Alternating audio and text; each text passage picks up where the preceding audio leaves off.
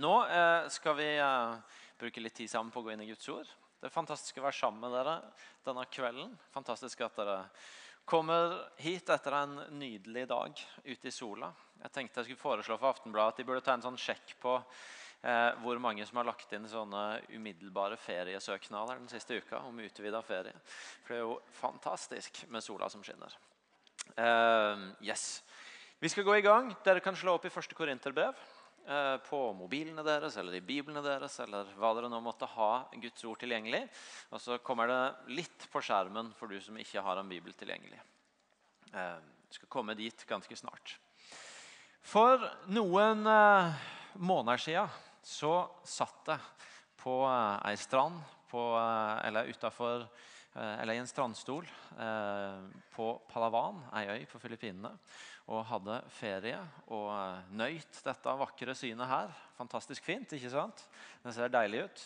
Halv sju om morgenen når man er småbarnsfar, så må man gripe de øyeblikkene man har når barna sover. så Da står man opp tidlig for å sole seg.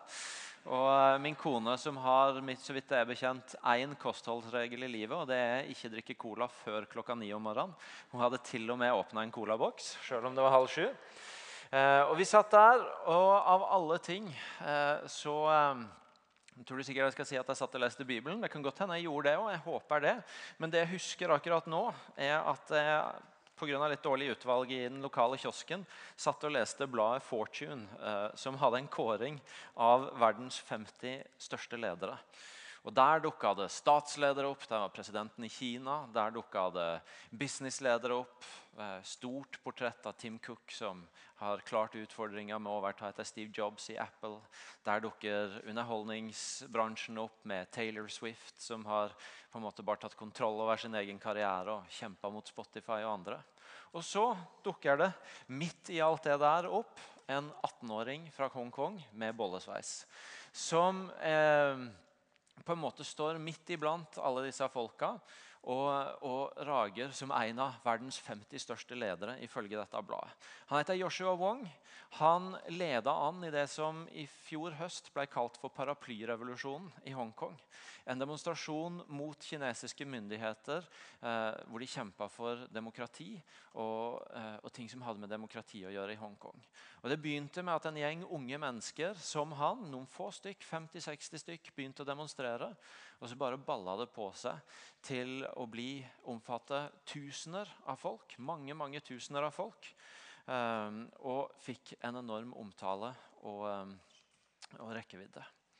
Han ingen formell posisjon, ingen formell makt, ikke fullført utdannelse engang.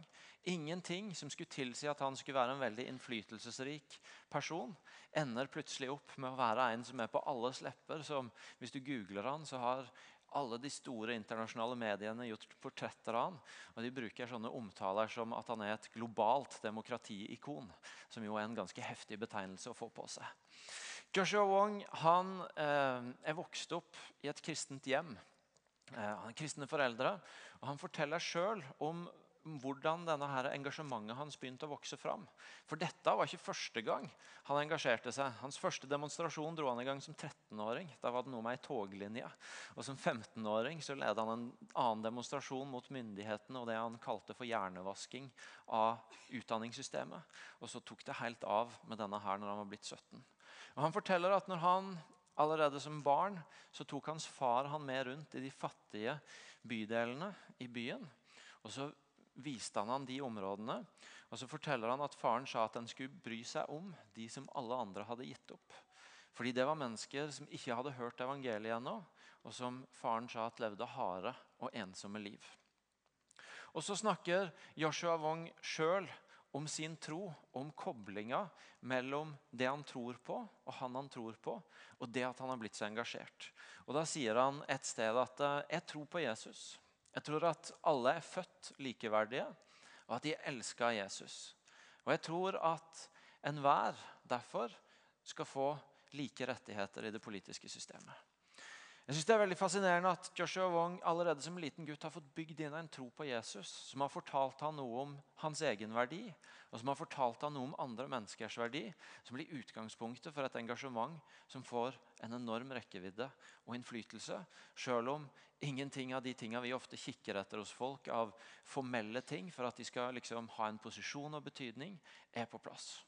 Og Jeg har lyst til å snakke noen minutter i kveld sammen med oss om koblinga mellom det å se hvem Jesus er, som et utgangspunkt for å se hvem du sjøl er, som igjen et utgangspunkt for å bety en forskjell i verden rundt deg. Og For å gjøre det så skal vi gå til eh, Korint. Til Korint ca. år 50 etter Jesus. En, en sånn storby var det da, som var et knutepunkt for handelsfolk, for reisende. Det var et sted, en by, hvor det var en sånn smeltedigel av forskjellige folk. Der kom folk fra mange nasjoner, fra mange kulturer, fra mange religioner. Det var en by hvor det var massevis av kunnskap og intellektuelle. Kunnskap var kjempehøyt verdsatt. Det var en by hvor kunst var kjempeverdsatt. Det var masse museer og utstillinger. Og det var en by som hadde stor plass til religion. Det fortelles om at det var minst tolv templer til forskjellige guder og som tilhørte forskjellige religioner. Og Det var en sånn smeltediger, en storby. Ikke så ulikt storbyer vi ser rundt om i verden i dag, hvor du treffer så mye forskjellige folk og så mye forskjellige retninger eh, som, som, på en måte levde midt i denne byen. Og så, på et punkt, så kommer Paulus dit står om i Apostlenes gjerninger 18 at på hans andre misjonsreise så kommer Paulus til Korint, og så forkynner han evangeliet. Og så, og så, skjer det som bruker å skje når Paulus kommer til et nytt sted. Han finner noen han kan forkynne evangeliet til, og de responderer på det. Og så blir hjemmet til disse menneskene som blir frelst, det blir basen for en menighet, en huskirke om du vil, hvor en menighet får ta form, hvor evangeliet får slå rot, hvor det blir et utgangspunkt for at andre mennesker kan høre evangeliet. Og så blir Paulus værende der ei stund for å forkynne, for å rotfeste dem, for å trene opp noen ledere. Før han gir ledelsen videre til en annen, i dette tilfellet en som heter Apollos, sånn at han kan reise videre til å forkynne evangeliet andre steder. En menighet som blir starta, eller evangeliet blir forkynt, en menighet blir starta, og så gir Paulus det videre, sånn at han kan reise og forkynne.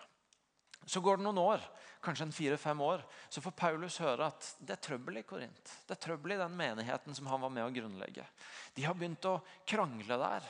De har begynt å eh, bli uenige og ha splittelse internt. Og de har også eh, begynt å leve på måter som ikke eh, er i samsvar med det han har undervist dem om. Det har begynt å komme livsførsel, umoral om du vil, inn som en akseptert del av fellesskapet. Og eh, og det er mange ting som ikke er som det skulle være i menigheten. Og de er blitt veldig like den byen de har rundt seg, og den kulturen de har rundt seg. De er ikke blitt den stemmen, det annerledes stemmen, den annerledes livet som de skulle få være i Korint. Den, den, eh, det fellesskapet som skulle bringe noe nytt og noe som er helt annerledes i en by som jeg akkurat har beskrevet, det er det ikke lenger. Men de ligner på resten, og de krangler, og de lever på måter som ikke var sånn Paulus ønska seg. Og Det gjør at Paulus, fordi det ikke bare var å hive seg på flyet og ta en visitt og snakke litt med dem, så skriver han, som han ofte gjør, brev. Vi vet om at Paulus antagelig har skrevet ett brev før som vi ikke har i Bibelen vår. Og så skriver han det som vi kjenner som første korinterbrev, og som vi i dag skal ta å se på de tre første kapitlene av i et sånt høydeperspektiv. Paulus er en intens type. Det er veldig få setninger han skriver som ikke der er ganske mye innhold i. Så det kunne ta lang tid hvis vi skulle gå grundig inn i tre kapitler av første Korinterbrev. Men i dag skal vi liksom sveve over tre kapitler og prøve å få tak i en, sånn, en, en strøm i tankerekka hans som jeg tror har noe å si til oss, og som jeg tror har betydning for oss.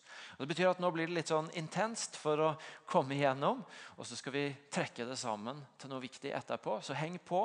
Bla gjerne og følg med i Bibelen. Noen viktige utvalgte vers kommer på skjermene, men ellers må du henge med sjøl for, eh, for, å få tak i hele linja. Eh, Paulus åpner første Korinterbrev sånn som han bruker å gjøre når han skriver brev, med å hilse de. og si hei og hilse de og takke for sist. Og Så går han rett på å minne menigheten i Korint om alt de har. Han begynner med å si at i ham, i Jesus, så er dere blitt rike på alt. På all lære og all kunnskap. Dere er rike. Og han sier et par vers seinere at derfor mangler dere ikke noen nådegave. Paulus begynner bare med å legge innover dem alt de har. Alt de er gitt i Jesus. Dere er rike på alt. Dere mangler ingen nådegave. Dere har alt dere trenger.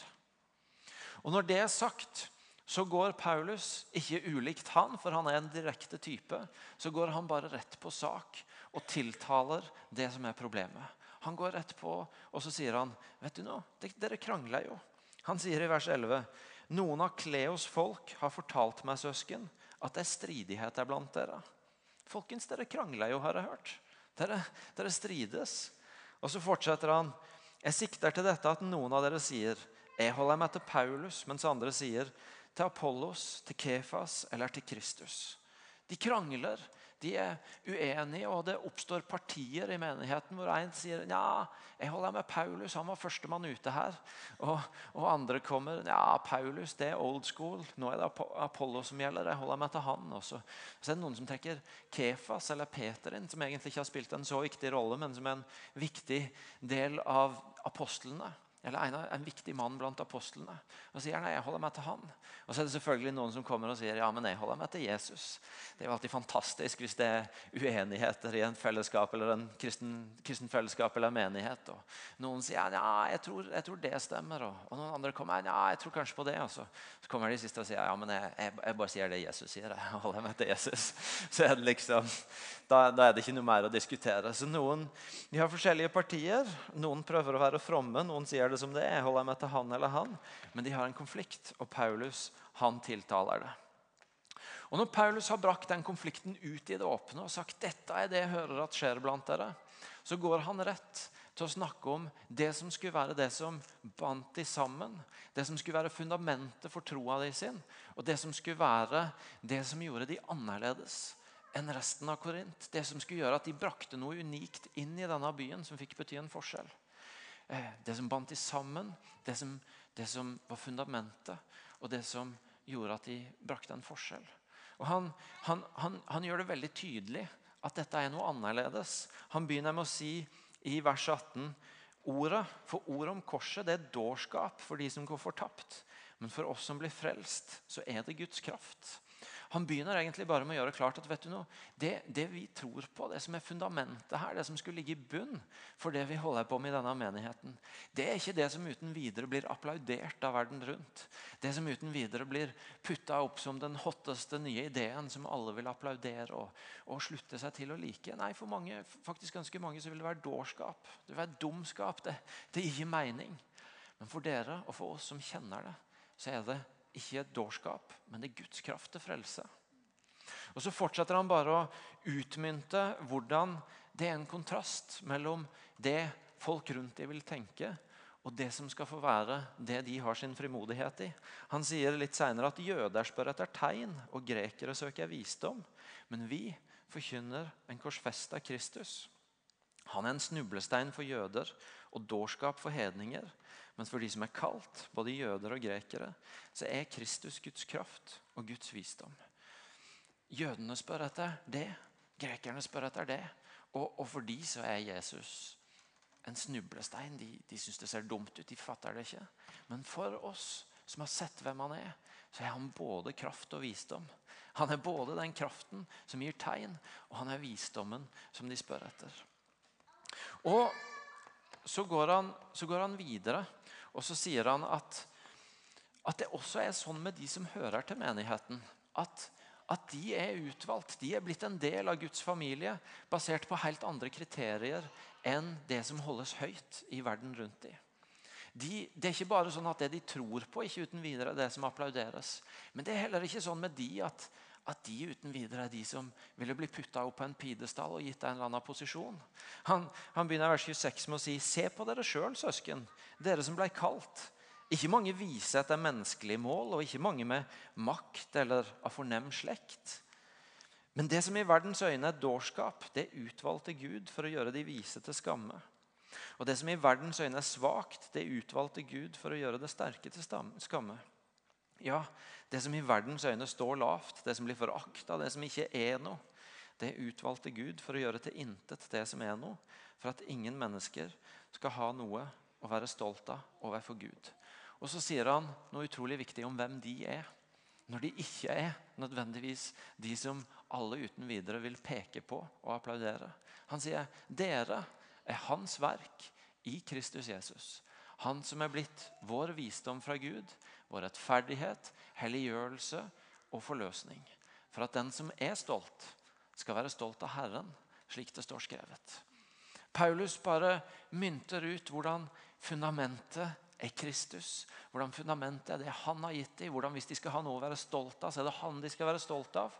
Og Dette er ikke uten videre det som vil bli applaudert rundt dem. Men dette er Guds kraft, dette er Guds visdom. Dette er det som bringer frelse. Og Så fortsetter Paulus i kapittel 2 med å egentlig bare tydeliggjøre at vet du noe, dette var utgangspunktet for den tjenesten han hadde blant de òg. Dette var utgangspunktet for måten han kom til de og forkynte evangeliet på. Han som var en både lærd mann og en talefør mann og en flink mann. Han sier i starten av kapittel 2 at da jeg kom til dere søsken, så var det ikke med fremragende talekunst eller visdom jeg forkynte Guds mysterium. For jeg hadde bestemt at jeg ikke ville vite av noe annet hos dere enn Jesus Kristus og han korsfesta. Og Så fortsetter han å beskrive hvordan svak og redd og skjelvende så opptrådde han hos dem. For at deres tro ikke skulle bygge på menneskelig visdom, men på Guds kraft. Han har vært så opptatt av at fundamentet, det som skulle ligge der i bånn, det var en sånn frimodighet på hvem Gud var. Ikke primært en, en sånn eh, være imponert av hvem Paulus var. At han svak og skjelven og uten talekraft og sånne ting som han kunne ha brukt, så trådte han fram for dem. Og så betyr ikke det at det idealet i seg sjøl, svak og skjelvende, eller at visdom er noe Paulus og i Guds rike eh, perspektiv ikke er verdsatt. Men han fortsetter tvert imot i vers 6 med å si likevel så forkynner vi en visdom for de som er modne. Men det er ikke en visdom som tilhører denne verden og denne verdens herskere, de som går til grunne. Nei, vi forkynner et mysterium, Guds skjulte visdom. Eh, og så fortsetter han med å prøve å få fram for dem at, at, Guds visdom, Guds løsning til denne verden, det som de har fått del i, og som Gud har brakt til de, det er noe som de aldri kunne ha kommet opp med. Som menneskelig visdom aldri kunne ha tenkt ut. Som ikke var en mulighet for mennesker sjøl å komme med, men som bare Gud kunne komme med. Han skriver i vers 9 at det intet øye så og intet øre hørte. Det som ikke kom opp i noe menneskehjerte det som Gud har gjort ferdig for dem som elsker Han, det har Gud åpenbart for oss ved sin ånd.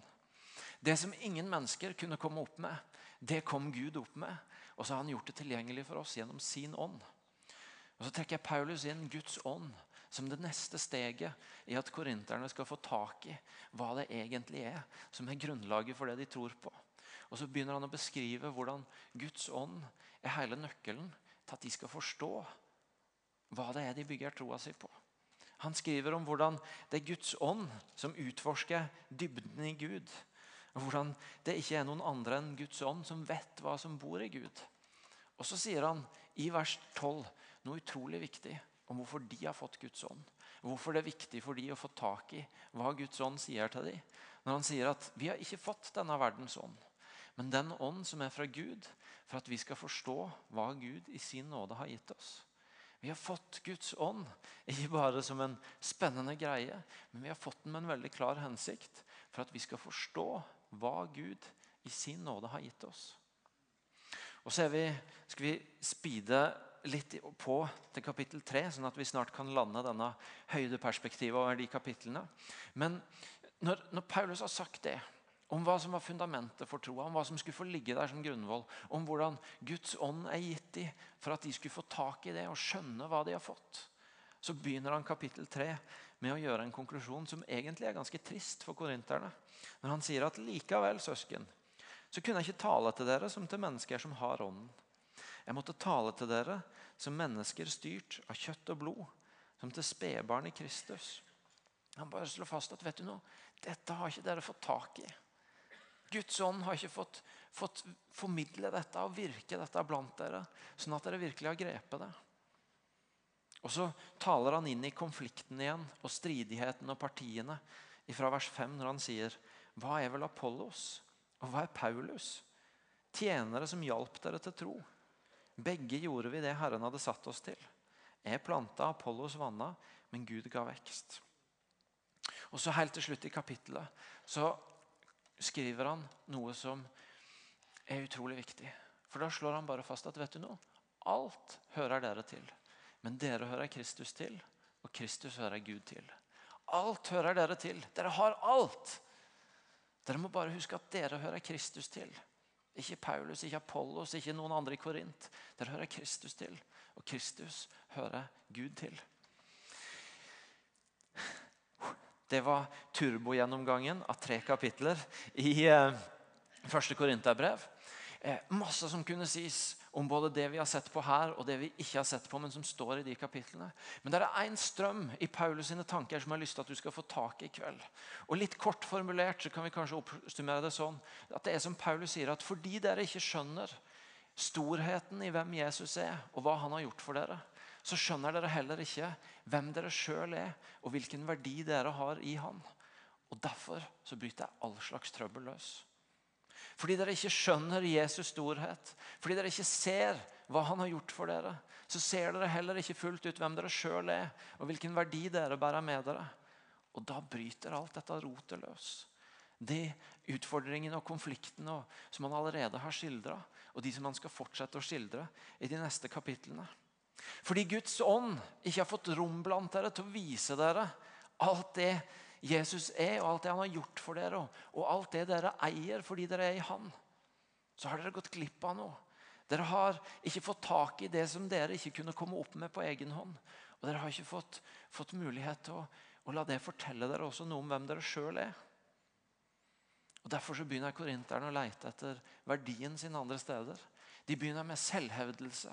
De begynner å ta partier.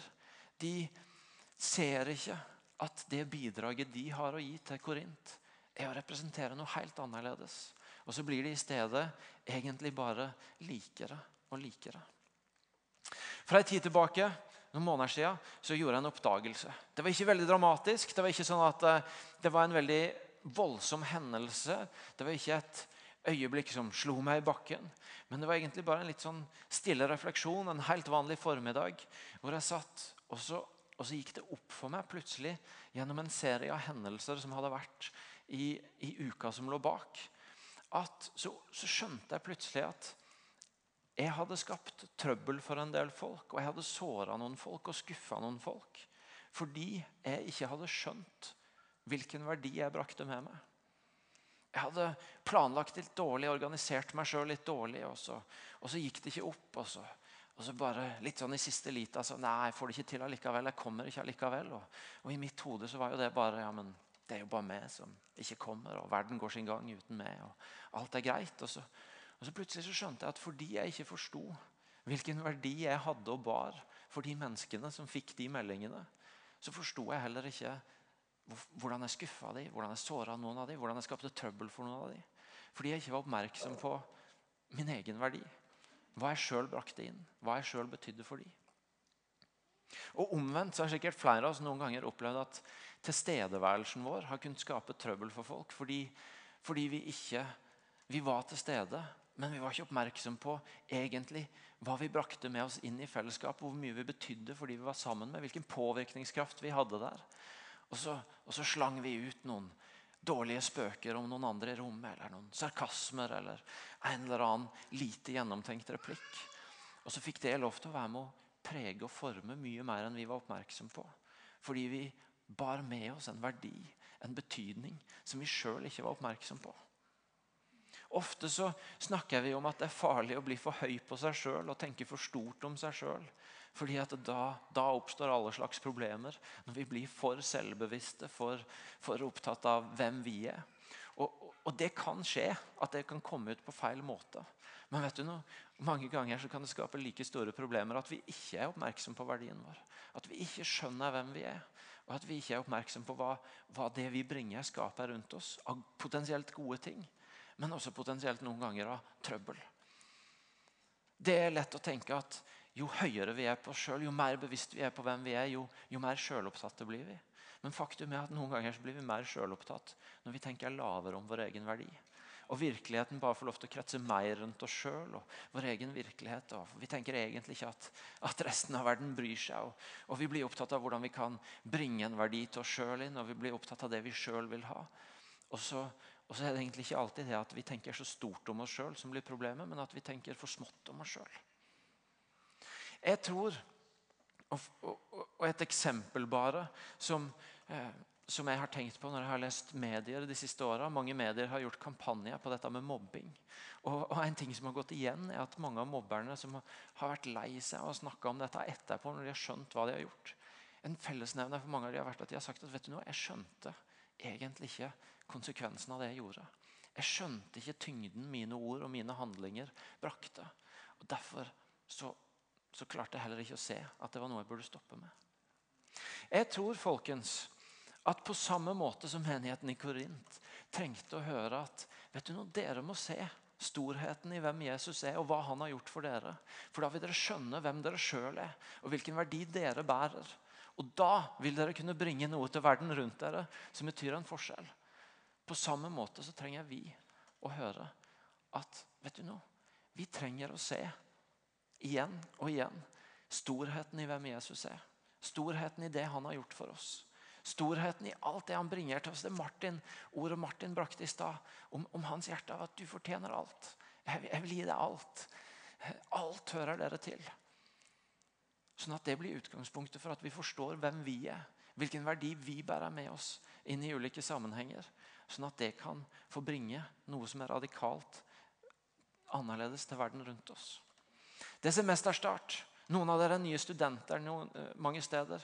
Noen av dere begynner på nye skoler. Noen av dere er nye konfirmanter her i menigheten. Noen av dere begynner i nye jobber. Og noen av dere går inn i det dere har gått inn i, men, men med en ny start etter en ferie. Og så er det faktisk din og min mulighet ved starten av et semester å bli tatt inn igjen i en forståelse av at dette er den Jesus er. Dette er det han har gjort for meg. Og Derfor skal jeg få tenke at jeg bærer med meg denne verdien inn i de settingene. Og så kan det bringe noe inn. Og så er det så lett å tenke at da må jeg først ha det og det på plass. Da må jeg ha en posisjon. Da må jeg ha en formell posisjon. Da må jeg ha kunnskap, kompetanse, utdannelse. Jeg må få ordna opp i det som ikke på stell i livet mitt. Jeg må gå så og så mange timer i veiledning for å rydde opp i indre sår. Jeg må, jeg må få ordna opp. Jeg må få komme i posisjon. Og så kan jeg være den stemmen som jeg snakker om. Men det vi har hørt i kveld, det er noe ganske annerledes. Paulus sier veldig tydelig om korinterne at eh, se på dere sjøl, søsken. Dere som ble kalt. Ikke mange vise etter menneskelige mål. Ikke mange med makt eller av fornem slekt. Mange hundre år tidligere så hadde kong Salomo skrev, skrev han en bok som vi kjenner som Forkynneren i Bibelen. Hvor han også skriver ganske mye om at våre ord, våre handlinger, bærer en vekt, det bærer en betydning, det bærer en verdi med seg som, som betyr noe for verden rundt. Og Så skriver han på et sted i kapittel 9 at i byen så fantes det en fattig mann, nei, en mann som var fattig, men vis. Det var han som berga byen med sin visdom. Han hadde ingen rikdom, ingen posisjon, han var ikke anerkjent av byen. I verset etterpå så står det at han fikk ingen ære for sin visdom og for det han gjorde. Men bekjennelsen om livet hans er at det var han som berga byen med sin visdom. Joshua Wong, år, nei, 17 år. Ingen jobb, ingen formell posisjon, ingen makt, ingen utdannelse. Men en bevissthet om hvem Jesus er, og hvilken verdi han bærer pga. Jesus, og hvilken verdi menneskene rundt ham bærer pga. Jesus. Og så, og så bringer han en forskjell. Når vi snakker om dette, og til du som er ny i IMI, så, så, vil du oppdage at det er noen ting vi snakker ganske mye om i denne menigheten. Vi snakker mye om at det begynner med Gud. At vi har lyst til å være med på det Gud gjør. At det er viktigere for oss å be Kjære Gud, hva gjør du nå? enn å be kjære Gud, hva gjør jeg nå? Vi, vi, vi tror at utgangspunktet er Gud, at det begynner med Gud. Men med det som utgangspunkt så, snakker, så er du også kommet til en menighet hvor vi snakker ganske mye om at mitt og ditt liv kan få ha betydning. Vi tror på at jeg og du kan få bety en forskjell i verden rundt oss. Vi tror på at, at vi er satt til å bringe noe til denne verden. Vi tror på at vi har et oppdrag, at vi har et mandat, at vi er meint å bringe noe. Og så kan det være lett å tenke noen ganger, hvis en ikke, ikke, ikke, henger helt med, at, at, det er litt sånn selvutvikling og positiv tenkning bare i kristen forkledning. At det er litt sånn klart du kan, og tenk positivt, og tro på deg sjøl, og utvikle deg sjøl, og kom videre. Og så, og så klart du kan bety noe. Men det er en stor misforståelse. For det vi snakker om i kveld, er noe helt og radikalt annerledes. Selvutvikling og positiv tenkning kan være bra i, i noen doser og på noen punkt. Men i sitt vesen, hvis det blir reindyrka, så er det grunnleggende nådesløst. Fordi det handler bare om hva du skal gjøre, og hva du skal utvikle deg sjøl til å bli. Men det Paulus snakker om, det er noe grunnleggende annet. Nemlig at når jeg og du får se storheten i hvem Jesus er, og hva han har gjort for oss, så skal det få prege forståelsen av hvem vi er, og hvilken verdi vi bringer til våre omgivelser. Og så er det det som er utgangspunktet for at vi får bringe noe inn. Ikke primært alt vi gjør, ikke primært alt vi presterer, men en forståelse av hvem vi er. Fordi alt hører dere til, og dere hører Kristus til, og Kristus hører Gud til. Vi bruker å si at i Guds rike så er det ingenting som kan oppnås. Alt må mottas. Og Det er utgangspunktet for vår, eh, for vår mulighet til å bety en forskjell òg. At vi får lov til å motta en forståelse av hvem han er, som gjør at vi får en forståelse av hvem vi er, som, som blir et utgangspunkt for at vi bringer noe til verden rundt oss. En litt deprimerende historie til slutt, som jeg skal prøve å snu til noe positivt. Ehm, for noen år siden så var jeg student, gikk på Menighetsfakultetet i Oslo. Eh, mitt siste semester, eh, praktikum. Litt ute i semesteret, mot slutten av semesteret egentlig, så kommer en medstudent bort til meg og så sier hun, jeg er utrolig skuffa over deg. Jeg kjenner deg ikke kjempegodt, men jeg vet veldig godt hvem du er. Jeg har hørt deg tale, jeg har sett deg lede ting, jeg har sett deg skrive som journalist i avisa. Eh, og jeg var kjempespent på å studere sammen med deg og bli bedre kjent med deg og høre dine perspektiver på ting. Jeg visste at du mente og tenkte ting om kirke og om Jesus og om om, om Guds rike som, som, var annerledes enn det la de andre studentene som vi går sammen med, bringer inn. Og jeg gleder meg til å se dere bryne dere på hverandre og, eh, og, og, og, lære av det. Men det du har gjort, det er at du har kommet i det timen har begynt. Og så har du tatt opp PC-en din og satt og kikka i den og holdt kjeft. Og så har du passa på å pakke den ned, sånn at når timen er over, så er du klar med veska di til å gå. Jeg føler meg snytt. Jeg føler meg lurt. og Det var en ganske klar og direkte melding å få. Og jeg håper jeg har forandra meg litt siden det. men poenget er vet du noe? Inni denne salen her så sitter det så mange muligheter. Jeg har ikke lyst til at verden rundt oss skal bli snytt, skal bli lurt for noe som kunne bringe en så stor verdi.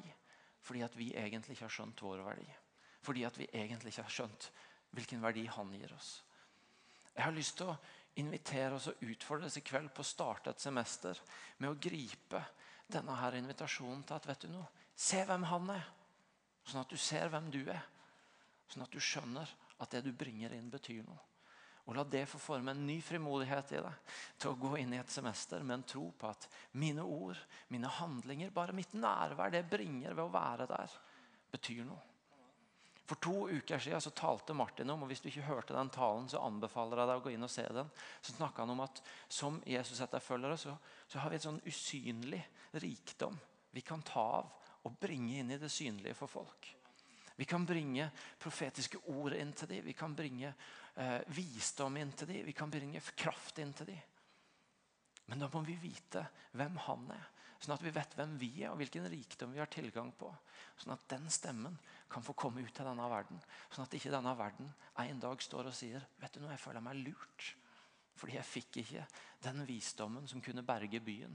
Jeg fikk ikke den kraften som kunne bringe en endring. Jeg fikk ikke det ordet som skulle bli vendepunktet. Og Derfor så er dette så viktig for oss å få tak i. Noen eh, år seinere skriver Paulus igjen til menigheten i Korint. Det eh, Lovsangsteamet kan gjøre seg klare. Eh, han skriver igjen til menigheten i Korint. De har fått nye utfordringer og nye problemer han må ta tak i.